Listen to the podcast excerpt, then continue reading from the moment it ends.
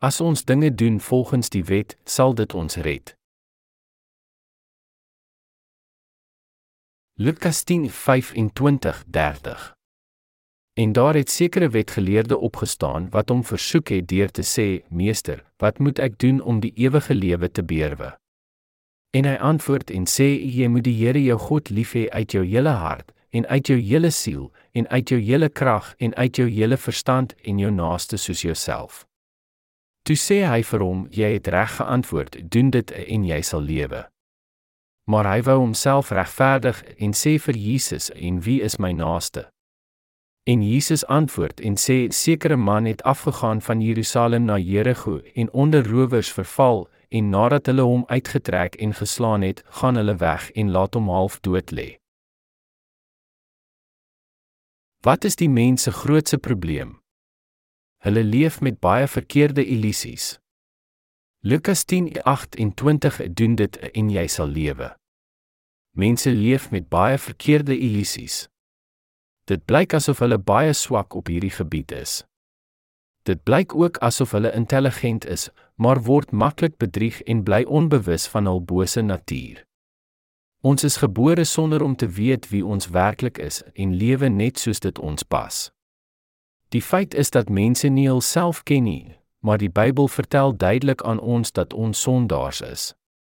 Mense praat oor die algemeen van hul sonde en dit blyk asof hulle onbekwaam is om iets daaraan te doen. Nogtans beskou hulle hulself as goed en hulle spog met hulle goeie werke. Hulle probeer om ander 'n rad voor die oë te draai en bedrieg hulself deur te sê, "Nee, wat ons is nie so sleg nie." Daar moet tog klein bietjie goeds binne ons wees. Gevolglik oortuig hulle hulself deur na ander te kyk en te sê, "Ek wens hy het dit nie gedoen nie." Dit sou veel eerder beter gewees het as hy dit gelos het. Dit sou beter gewees het as hy nie so gepraat het nie. Ek dink dit sal beter wees as hy die evangelie op so of so manier sou preek. Hy is voor my gered en ek dink dat hy behoort op te tree soos iemand wat gered is. Ek is onlangs gered, maar as ek meer van die Bybel leer, dan sal ek beter vaar as hy. Hulle slyp gou die lemme in hul harte wanneer iemand hul uitdaag of sou seermaak en reageer kwaai, wag net. Jy sal gou uitvind dat ek anders is as jy jy kan, maar dink dat jy my voor is, maar wag maar. Daar staan in die Bybel geskryf diegene wat laaste is sal eerste wees. Ek weet dat dit van toepassing is op my. Wag net en ek sal jou wys. Mense bedrieg hulself. Selfs al sou hulle hulself in dieselfde posisie bevind het as die ander persoon, sou hulle dieselfde gereageer het en hom nog steeds geoordeel het. Selfs al sou hy voor die preekstoel staan, sou hy begin hakkel omdat sy gewete hom sal pla oor sy gedrag.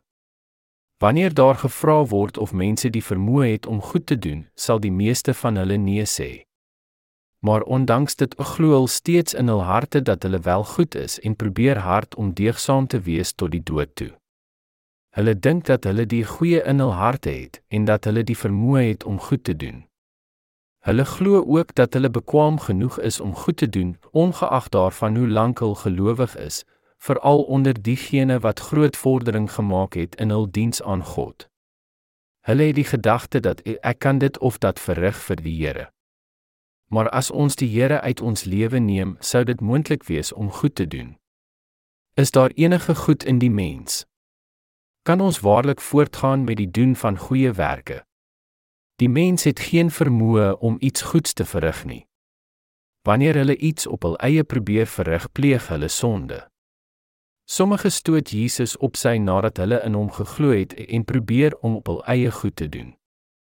Daar is net ongeregtigheid binne in almal van ons en ons beoefen slegs onheil. Op ons eie het selfs diegene wat waarlik gered is, hou aan om te sondig. Dit is die realiteit van die vlees. Wat doen ons die goeie of onheil? Onheil. In ons gesangeboek is hierdie woorde prys die naam van Jesus. Die lied gaan so sonder Jesus struikel ons. Ons is waardeloos so skip wat die see kruis sonder seil. Sonder Jesus kan ons net aanhou sonde doen omdat ons sondaars is. Ons het slegs die vermoë om regverdige dade te verrig nadat ons waarlik gered is. Die apostel Paulus verklaar: "Want die goeie wat ek wil, doen ek nie, maar die kwaad wat ek nie wil nie, dit doen ek." Romeine 7:19. Slegs as persoon in Jesus is, dan maak dit nie saak nie, maar as hy niks met hom te doen het nie, probeer hy te vergeefs om goeie dade voor God te verrig. Hoe harder hy egter probeer, hoe meer beoefen hierdie persoon boosheid. Selfs koning Dawid het dieselfde ingebore natuur gehad. Een warm aand toe daar vrede en voorspoed in die land was, het hy uit sy bed opgestaan en op die dak van die paleis gaan wandel. Hy sien van die dak af verleidelike toneel, die gevolg was dat hy in sonde verval het. Hoe was hy toe hy van die Here vergeet het? Hy was waarlik sondig. Hy het oorspel met Batseba gepleeg en haar man Ira doodgemaak. Hy was blind en het nie die ongeregtighede in sy hart gesien nie. Hy het net verskonings gegee vir sy verkeerde dade. Op dag stuur die Here die profeet Nathan na Dawid toe. Toe hy by hom inkom, sê hy vir hom: "Daar was twee manne in sekere stad, die een was ryk en die ander arm. Die ryke het groot menigte kleinvee en beeste gehad, maar die arme het glad niks gehad nie behalwe een klein ooi lammetjie wat hy gekoop en in die lewe gehou het en wat by hom en saam met sy kinders groot geword het. Dit het van sy stukkie brood geëet en uit sy beker gedrink en in sy skoot geslaap en dit was vir hom soos dogter En toe daar besoek kom by die ryk man, het hy ontsien om van sy kleinvee of beeste te neem om vir die reisiger wat by hom gekom het iets te berei. Daarom het hy die ooilam van die arme man geneem en dit berei vir die man wat by hom gekom het. 2 Samuel 12:1-4. Dawid het baie kwaad geword en gesê die man wat dit gedoen het, moet sterwe. Woedend het hy gesê hy het so baie van sy eie, hy kon een van sy eie kleinvee gevat het maar in plaas van sy eie vat hy die arme man se enigste lam en berei dit voor vir sy gaste. Hy moet sterwe. Toe sê Nathan vir Dawid, "U is die man. As ons Jesus nie volg nie en nie in hom is nie, kan selfs die wedergeborenes ook in slaggate val en hierdie bose dinge doen." Dieselfde geld vir alle mense, selfs die gelowiges. Ons struikel en beoefen bose dinge sonder Jesus. Ons is egter weer eens dankbaar omdat Jesus ons gered het, ongeag die kwaad in ons. Ek sal rus onder die skadu van die kruis, u ons harte rus onder die skadu van die geregtigheid in Christus, maar sou ons onder die skadu uitbeweeg en ons na onsself omsien, sal ons dus nooit rus vind nie. God het vir ons die geregtigheid van geloof voor die wet gegee. Watter een is eers dit geloof of die wet? Geloof. Die apostel Paulus verklaar dat God van die begin af die geregtigheid van geloof aan ons gegee het. Hy het dit vir Adam en Eva, Kain en Abel set en Henog, Noag, Abraham, Isak en laaste vir Jakob en sy 12 seuns gegee.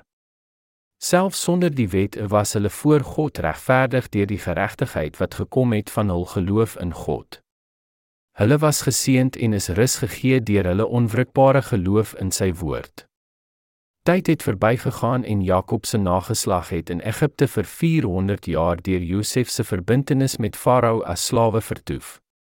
Daarna het God hulle uitgelei deur Moses na die land van Kanaan. Gedurende die 400 jaar van slawerny het hulle die geregtigheid deur geloof heeltemal vergeet.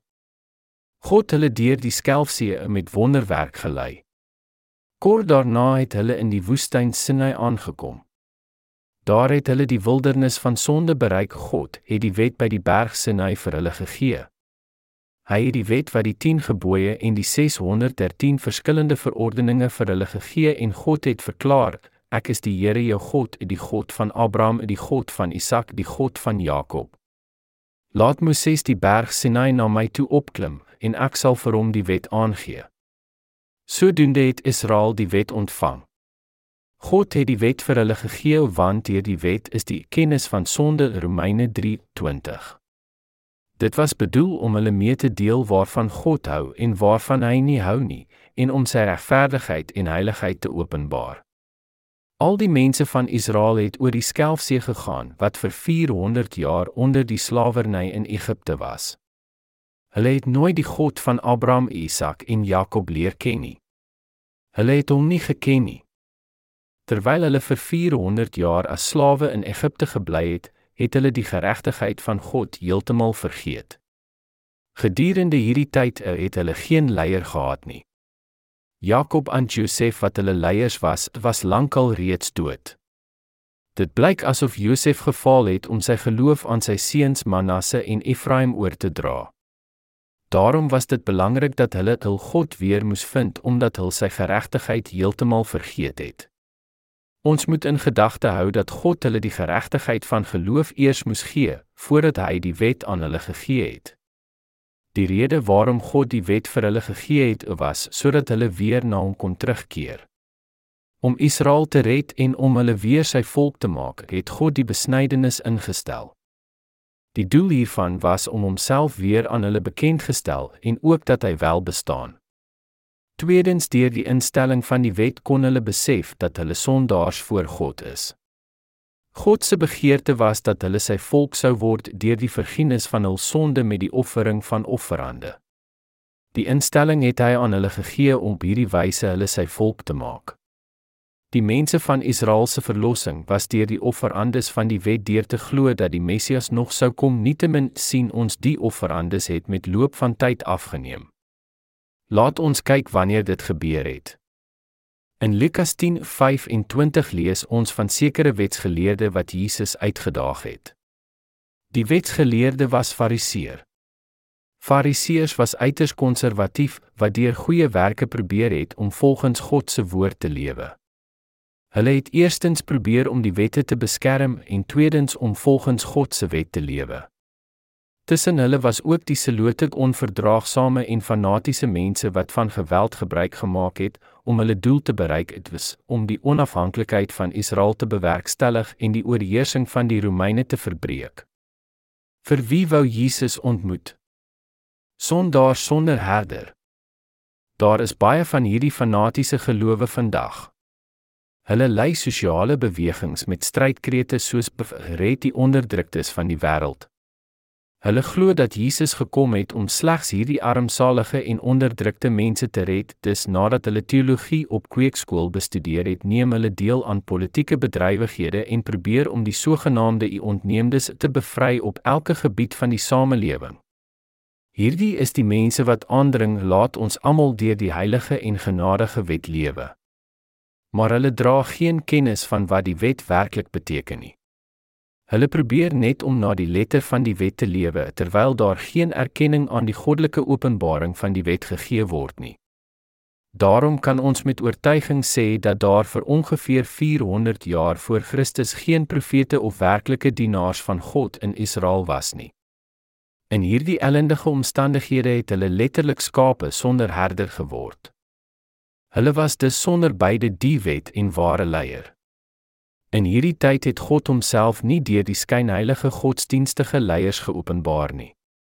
Die land het kolonie van die Romeinse ryk geword.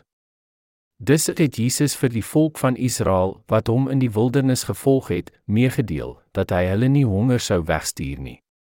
Hy was barmhartig teenoor die skape wat sonder herder was, omdat daar baie was wat gelei het.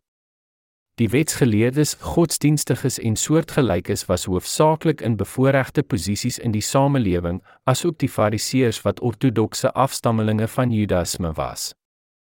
Hulle was uiters hoogmoedige mense. Sekere wetgeleerde het opgestaan en vir Jesus gevra: "Meester, wat moet ek doen om die ewige lewe te beerwe?" Lukas 10:25 Hy het gedink dat daar niemand beter as hy was onder die mense van Israel is nie. Dis het hierdie een wat nie verlos was nie hom uitgedaag met hierdie woorde: Wat moet ek doen om die ewige lewe te beerwe? Hierdie wetsgeleerde is maar weerspieëling van wie ons werklik is. Hy het Jesus gevra: Wat moet ek doen om die ewige lewe te beerwe? Jesus het hom geantwoord: Wat is in die wet geskrewe? Hoe lees jy? En hy antwoord en sê: Jy moet die Here jou God lief hê uit jou hele hart en uit jou hele siel en uit jou hele krag en uit jou hele verstand en jou naaste soos jouself. Toe sê hy vir hom: "Jy het reg geantwoord. Doen dit en jy sal lewe." Hy het Jesus uitgedaag terwyl hy nie gesien het dat hy self boos en vol sonde was nie. Iemand wat nie goed kon doen nie. Dus het Jesus hom gevra, "Wat is in die wet geskrywe?" Hoe lees jy? Hoe lees u die wet? Ons is almal sondaars en kan nie by die wet hou nie. Hoe lees jy? Met hierdie woorde vra Jesus, "Hoe is dit moontlik om die wet te kan verstaan en ken insluitend u en ek?" Net soos baie mense deesdae het hierdie wetsgeleerde ook gedink dat God hom die wet gegee om dit vir homself te hou. Dis het hy geantwoord: Jy moet die Here jou God lief hê uit jou hele hart en uit jou hele siel en uit jou hele krag en uit jou hele verstand en jou naaste soos jouself. Die wet is sonder gebrek. Hy het vir ons die volmaakte wet gegee. Hy het ons meegedeel om die Here lief te hê met ons hele hart en siel, met al ons krag en verstand en ons naaste soos onsself. Dit is reg om die Here lief te hê met ons hele hart en al ons kragte, maar dit is heilige gebod wat onmoontlik is om te onderhou. Hoe lees jy? Beteken dit die wet is reg en korrek? Maar hoe verstaan u dit? Die wetsgeleerde het gedink dat God hom die gebod gegee het om dit te gehoorsaam en te onderhou. Maar die wet van God is vir ons gegee sodat daar die herkenning van ons tekortkominge kan wees deur die ontbloting van ons ongeregtighede. Jy het gesondig. Jy het doodgeslaan terwyl ek jou meegedeel het dat daar nie doodgeslaan mag word nie. Waarom het jy my verontagsaam? Die wet ontbloot die sonde in die mense se harte. Laat ons veronderstel op pad hierna toe, het ek lekker rydspansbekke in 'n bewerkte land gesien. God het my gewaarsku, moet nie daardie spansbekke pluk en eet nie. Dit sal my beskaamd maak as jy dit doen. Ja, Vader. Die land behoort aan meneer so en so, daarom moet jy nie van dit nie pluk nie. Ja, Vader. Die oomblik toe ons hoor dat ons nie daarvan mag pluk nie, ervaar ons die neiging om dit te pluk. As ons springveer aftrek, dan spring dit weer onmiddellik op. Die sonde van 'n mens is presies so God het ons meegedeel om nie ongeregtige dade te pleeg nie. God kan dit sê omdat hy heilig, volmaak en bekwam is om dit te doen. Aan die ander kant kan ons nie nooit sonde pleeg nie of louter skoon en goed wees nie. Daar is nooit goed in ons harte nie. Daar word in die wet die woord nimmer of nooit genoem. Waarom dan so? Omdat die mens welis in hul harte het. Die welis word in ons harte gepleeg omdat ons nie anders kan nie. Ons pleeg egbreek omdat daar egbreek in ons harte is. Derhalwe moet ons die Bybel sorgvuldig lees. Toe ek die woord vir die eerste keer probeer lees het, het ek dit letter vir letter ontleed. Ek het gelees waar Jesus aan die kruis vir my sonde gesterf het en ek kon nie anders as om trane te stort nie. Dat ek baie bose en sondige persoon is en hy het aan die kruis vir my gesterwe het. My hart was baie seer daarom het ek in hom begin te glo. Ek het gedink as ek nou vertroueling gaan wees, dan gaan ek streng volgens die woord in hom glo. Toe ek Eksodus 20 gelees het waar dit geskrewe jy mag geen ander gode voor my aangesig hê nie, het ek ernstig begin bid met belydenis in ooreenstemming met hierdie gebod. Ek het my gedagtes noukeurig ondersoek om uit te vind of ek ooit ander afgode gehad het, of sy naam uitelik gebruik het en of ek ooit neergebuig voor enige afgod om hulle te dien. Ek het toe besef dat ek wel baie keer voor ander gode neergebuig het tydens rituele om respek te toon aan my voorouers. Ek het wel hierdie sonde gedoen om ander afgode te dien. Ek het berouvol begin bid die Here, ek het ander afgode gedien. Ek moet daaroor veroordeel word. Vergewe my sondes asseblief. Ek sal dit nooit weer doen nie. Daarna het ek gedink hierdie een sonde is nou tot weggeneem. Die volgende sonde wat ek probeer onthou het, was of ek ooit sy naam uitelik gebruik het. Ek het toe onthou dat ek nog gerook het toe ek in God begin te glo het. My vriende het vir my gesê, "Bring jy nie skaamte oor God met hierdie rokery nie? Hoe kan Christen rook? Dit is dieselfde as om sy naam uitelik te gebruik, is dit nie?" Ek het toe weer ernstig gebid, "Here, ek het U naam uitelik gebruik." Vergewe my, ek sal my rook opgee. Dus het ek probeer om rook op te gee, maar af en toe weer die sigaretjie aangesteek het dit het so aangegaan vir jaar. Dit was baie moeilik, byna onmoontlik om rook op te gee. Maar ten einde het ek die rook heeltemal laat vaar. Dit het gevoel of ek nog gesonde oorwin het. Die volgende gebod was gedenk die Sabbatdag. Dit beteken dat ek niks moet verrig op die Sabbatdag nie 'n werk of geld verdien nie. Dus het ek ook hierdie gebod gehoorsaam. Die volgende gebod: eer jou vader en jou moeder. Ek kon dit slegs regkry as hulle nie naby my was nie. Hulle het my kop seer gegee as hulle by my was. O verdriet, ek het gesondig voor God. Vergewe my God asseblief. Toe het ek weer berouvol gebid. Maar ek kon nie eer aan my ouers bring nie omdat hulle alreeds oorlede was. Wat moes ek nou doen? Here, vergewe hierdie armsalige sondaar asseblief. U het vir my aan die kruis gesterwe. Hoe dankbaar is ek nie. Dis deur hierdie weg te volg het ek gedink dat al my sondes uiteindelik weggeneem is een vir een. Daar was ander gebooie soos om nie dood te slaan nie, nie egbreek te pleeg nie, nie jou naaste se huis te begeer nie. Ek het later besef dat ek nie eers een gebod kon onderhou nie, dus het ek nagte deur gebid. Maar weet jy, om hierdie gebede van berou te bid was nie lekker nie. Laat ons dit nou bespreek oor hoe ek hierdie ellendige gebede ervaar het. Daar was tyd toe ek slegs aan Jesus se kruisiging en sterwe gedink het en geglo het ek kon simpatiseer oor hoe aaklig en pynlik dit moes gewees het. Hy het vir ons gesterwe en ek was nie in staat om by sy woord te staan of daarvolgens te lewe nie. Met hierdie gedagtes wat deur my gees getrek het, het ek nagte om trane gestort en dat hy ons so liefgehad het, het hom bedank vir die werklike vreugde wat ek ondervind het. My eerste jaar van kerkbywoning was makliker, maar die daaropvolgende jare het dit al hoe moeiliker geraak om 'n ware trane te stort as ek dieselfde gebede van berou gebid het. Toe die trane finaal opdroog, het ek besluit om in die berge te gaan bid en het vir 3 dae lank in grot gevas. Uiteindelik het die trane weer teruggekeer. Ek was deurweek van my trane. Nadat ek teruggekeer het in die samelewing, het ek baie trane in die kerk gestort. Mense in die kerk het opgemerk, broeder, jy het soveel heiliger geword na jou gebede in die berge. Maar die trane het weer opgedroog. Die derde jaar was vir my baie moeilik. Ek het aan al die dinge gedink wat ek verkeerd aan my vriende en Christen broeders en susters gedoen het en ek het weer trane van berou gestort.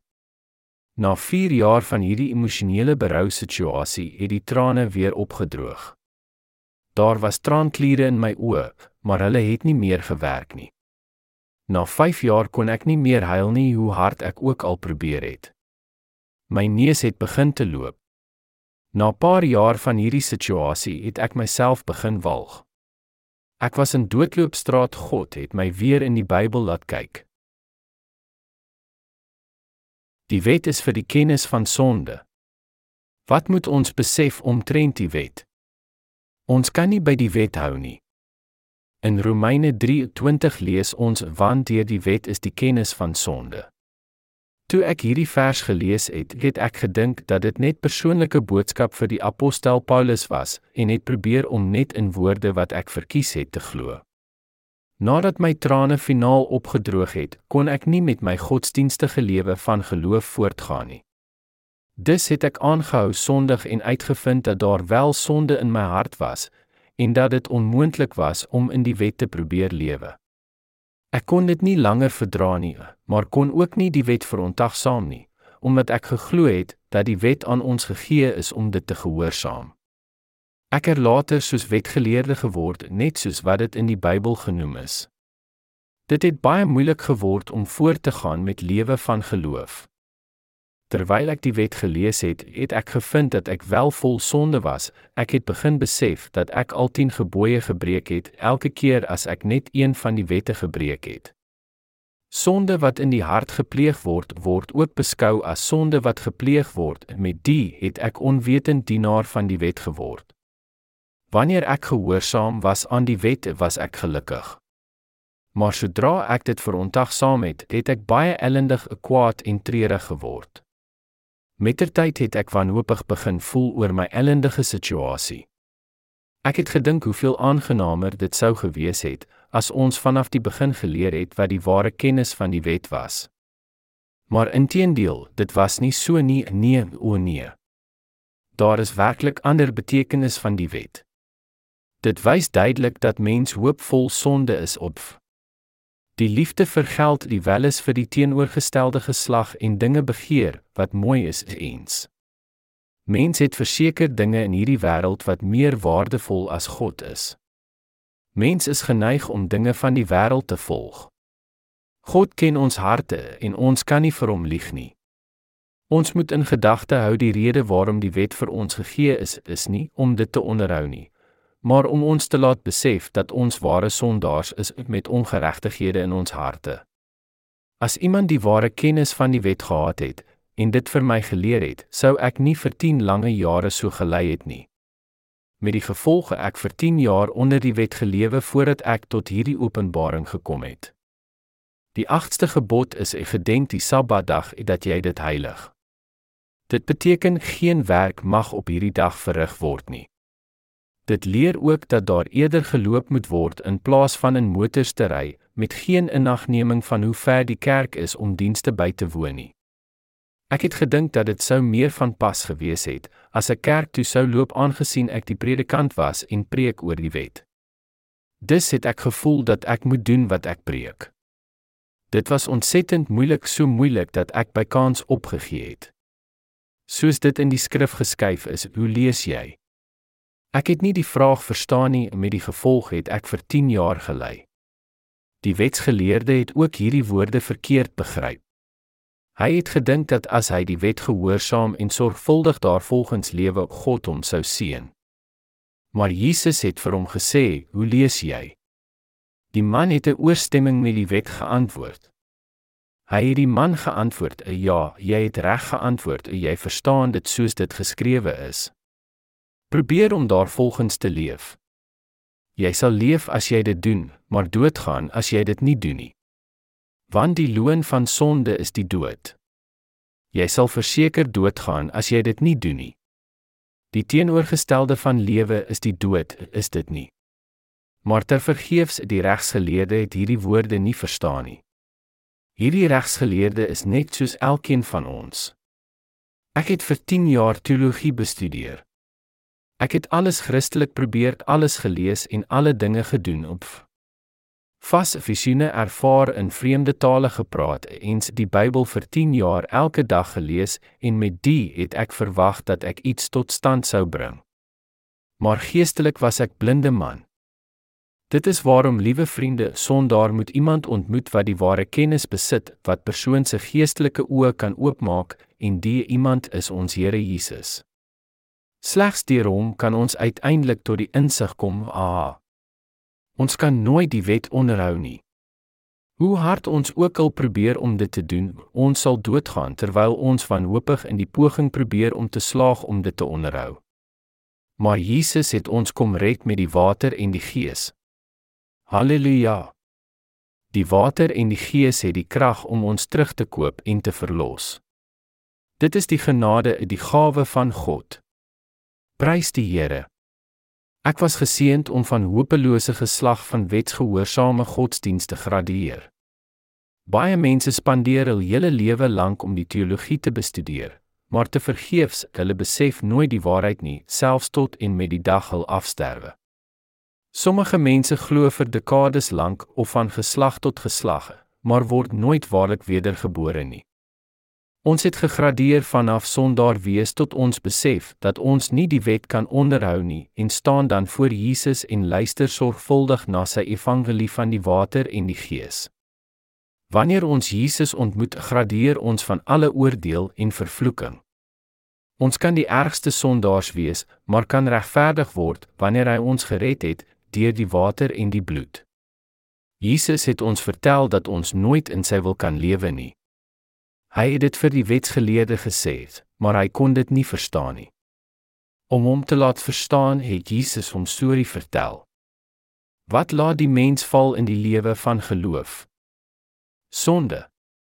En Jesus antwoord en sê: "Sekere man het afgegaan van Jerusalem na Jerigo en onder rowers verval en nadat hulle hom uitgetrek en geslaan het, gaan hulle weg en laat hom half dood lê." Lukas 10:30. Jesus het aan die wetsgeleerde hierdie gelykenis vertel om hom geestelik wakker te maak en deur dit aan hom uit te wys hoe hy sy hele lewe gelei het soos hierdie man wat onder rowers verval het en half dood geslaan was. Man het van Jerusalem na Jerigo gegaan.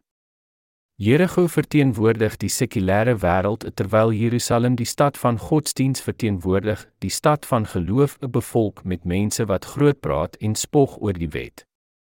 Hierdie storie vertel ons duidelik as ons slegs in Christus op 'n godsdienstige manier glo, sal ons verseker vernietig word. Sekere man het afgegaan van Jerusalem na Jerigo en onder rowers verval en nadat hulle hom uitgetrek en geslaan het, gaan hulle weg en laat hom half dood lê. Jerusalem was groot stad met taamlike groot bevolking. Daar was hoëpriester en menige ander priesters, leviete en baie ander opvallende manne van geloof daar was ook baie wat die wet baie goed geken het. In Jerusalem het hulle probeer om streng volgens die wet te lewe, maar uiteindelik het hulle opgegee en na Jerigo gegaan. Hulle kon nie anders as om voortdurend in die wêreld te verval nie, Jerigo, en gevolglik kon hulle nie rowers vermy nie. Die man is ook deur rowers aangeval op pad van Jerusalem na Jerigo. Die rowers het sy klere uitgetrek en hom geslaan. Om van sy klere te steel beteken dat hy sy regverdigheid verloor het. Dit is onmoontlik om volgens die wet of deur die wet te lewe. Apostel Paulus skryf in Romeine 7:19-20 want die goeie wat ek wil doen ek nie, maar die kwaad wat ek nie wil nie dit doen ek. Maar as ek doen wat ek nie wil nie, dan doen ek dit nie meer nie, maar sonde wat in my woon.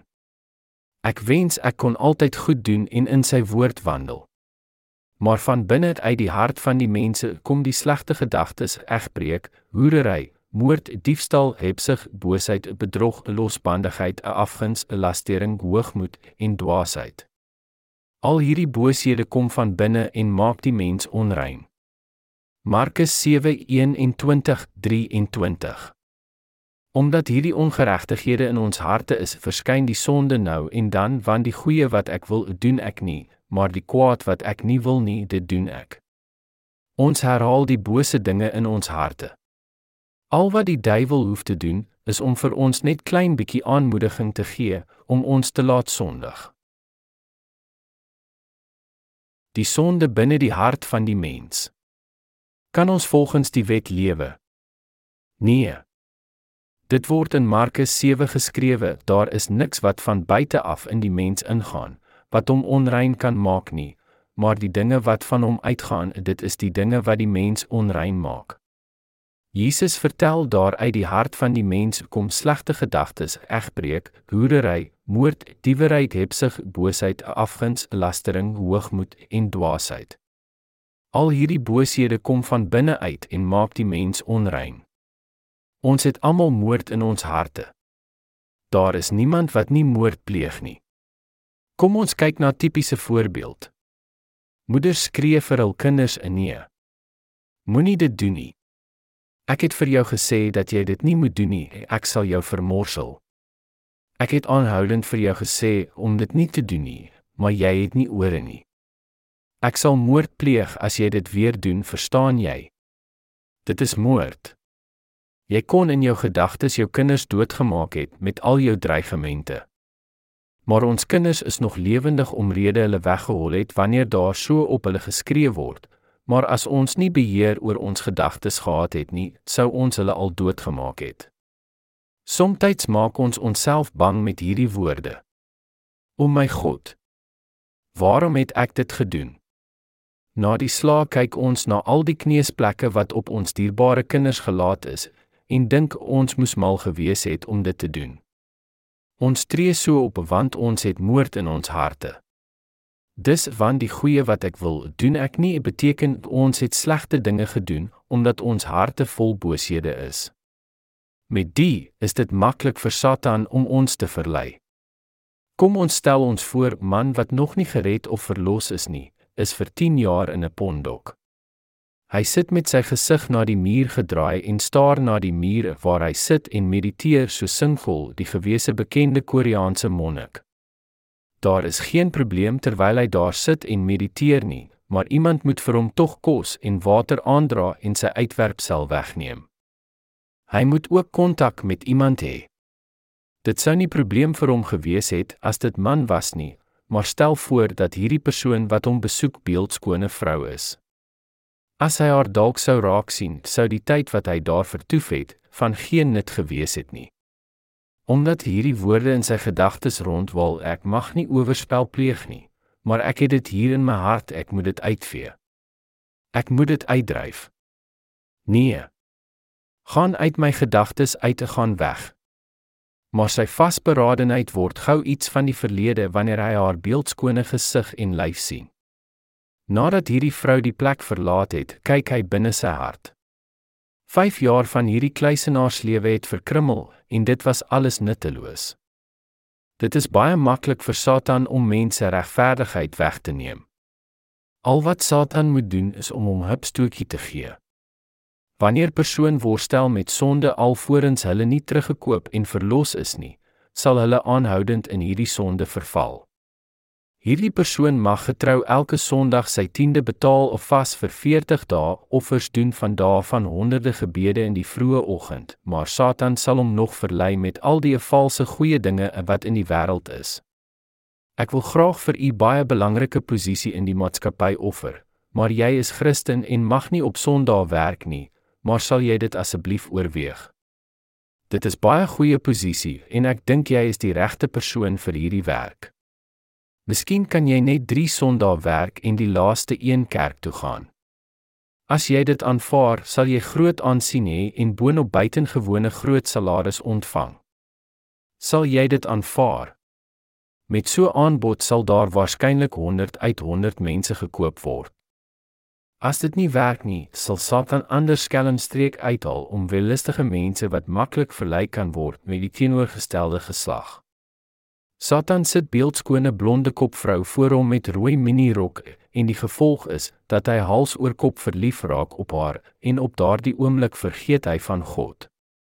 Dit is hoe die geregtigheid van mens van hom ontneem word. As ons probeer om volgens die wet te lewe, maar al wat ons aan die einde sal oor hê is wonde van sonde, pyn en geestelike armoede en al ons geregtigheid is verlore. Sekere man het afgegaan van Jerusalem na Jerigo en onder rowers verval en nadat hulle hom uitgetrek en geslaan het, gaan hulle weg en laat hom half dood lê. Hierdie woorde beteken dat ons probeer om in Jerusalem te bly deur na die wil van die heilige God te lewe, maar ons sal aanhou struikel omdat ons swak is totdat ons uiteindelik beswyk. Jy mag miskien aanhou met hierdie berouvolle gebede voor God. Here, ek het gesondig. Vergewe my asseblief. Ek sal dit nooit weer doen nie. Ek beloof dat dit die laaste keer sal wees. Ek smeek U Heilige Vader vergewe my nog hierdie een keer asseblief. Maar dit hou nie. Mense kan nie in hierdie wêreld leef sonder om te sondig nie. Hulle mag paar keer sonde vermy, maar dit is onmoontlik wees om nooit weer te sondig nie. Dis is dit onmoontlik om nie te sondig nie. Here vergewe my asseblief. As hierdie berouvolle gebede so sou voortgaan, sal hulle wegdryf van die kerk asook hulle godsdienstige lewe. Hulle dryf weg van God weens hulle sonde en uiteindelik sal hulle in die hel beland. Om na Jerigo te reis beteken om verder in die wêreld te verval, nader aan die wêreld en verder van Jerusalem. Gedurende die eerste paar kilometers is Jerusalem nog naby, maar as die kringloop van sonde en die berouvolle gebede oor en oor gedoen word, bevind ons onsself in die middel van die stad Jerigo, diep in die sondige wêreld. Wie kan gered word? Diegene wat opgee om hul eie regverdigheid te bewerkstellig. Wie het die man op pad Jerigo toe ontmoet? Hy het rowers ontmoet. Diegene wat volgens die wet lewe, leef 'n soortgelyke lewe soos verlate hond. Hulle drink, slaap en urineer op enige plek. Hierdie verlate hond word wakker en herhaal wat hy die vorige dag gedoen het. Verlate hond sal sy eie uitwerpsel eet. Dit is waarom die Bybel sulke persone honde noem. Hulle weet dat hulle nie moet drink nie, maar doen dit nogtans. Hulle offer berouvolle gebede en die volgende oggend herhaal hulle die hele proses weer oor. Dit is soos die man wat rowers ontmoet het op pad Jerigo toe. Hy was gewond en half dood agtergelaat. Dit beteken dat daar sonde in sy hart was. Dit is hoe die mens werklik is. Mense glo in Jesus terwyl hulle probeer om volgens die wet in Jerusalem te lewe, die godsdienstige gemeenskap, maar word agtergelaat met net sonde in hulle harte. Al wat hulle kan wys van hulle godsdienstige lewe is die wonde van sonde. Diegene met sonde in hul harte word uiteindelik in die hel gewerp. Hulle besef dit, maar weet nie wat om daaraan te doen nie. Was ons nie al in soortgelyke godsdienstige stad nie? Ja, ons was verseker daar. Die wetsgeleerde wat die wet van God verkeerd verstaan het, sal sy hele lewe struikel en aan die einde in die hel beland. Hy is nie alleen nie, want hy is net soos ons. Net Jesus kan ons red. Daar is baie intelligente mense om ons in die samelewing wat voortdurend groot praat oor wat hulle weet en geleer het. Hulle gee voor dat hulle volgens die wet van God lewe, maar is nie eerlik met hulself nie.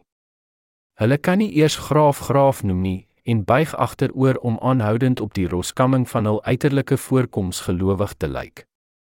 Tussen hulle is sondaars op pad Jerigo toe, diegene wat deur rowers aangeval is, wat geslaan en daar gelos is, is halfdood. Ons moet weet hoe swak ons voor God is. Ons moet dus voor hom eerlik erken, Here, ek sal hel toe gaan as U my nie nou red nie. Red my asseblief. Ek sal enige plek gaan waar U my heen stuur, al sou dit haal of storm, as ek net die ware evangelie kan hoor. As U my alleen laat, sal ek hel toe gaan. Ek smeek U om my te red. Diegene wat besef dat hulle wel op pad hel toe is en opgegee het om te probeer om hulle eie regverdigheid te bewerk wat slegs op die Here vertrou, is diegene wat gered sal word. Ons kan nooit gered word deur ons eie pogings nie. Ons moet verstaan dat ons soos die man is wat deur rowers aangeval is.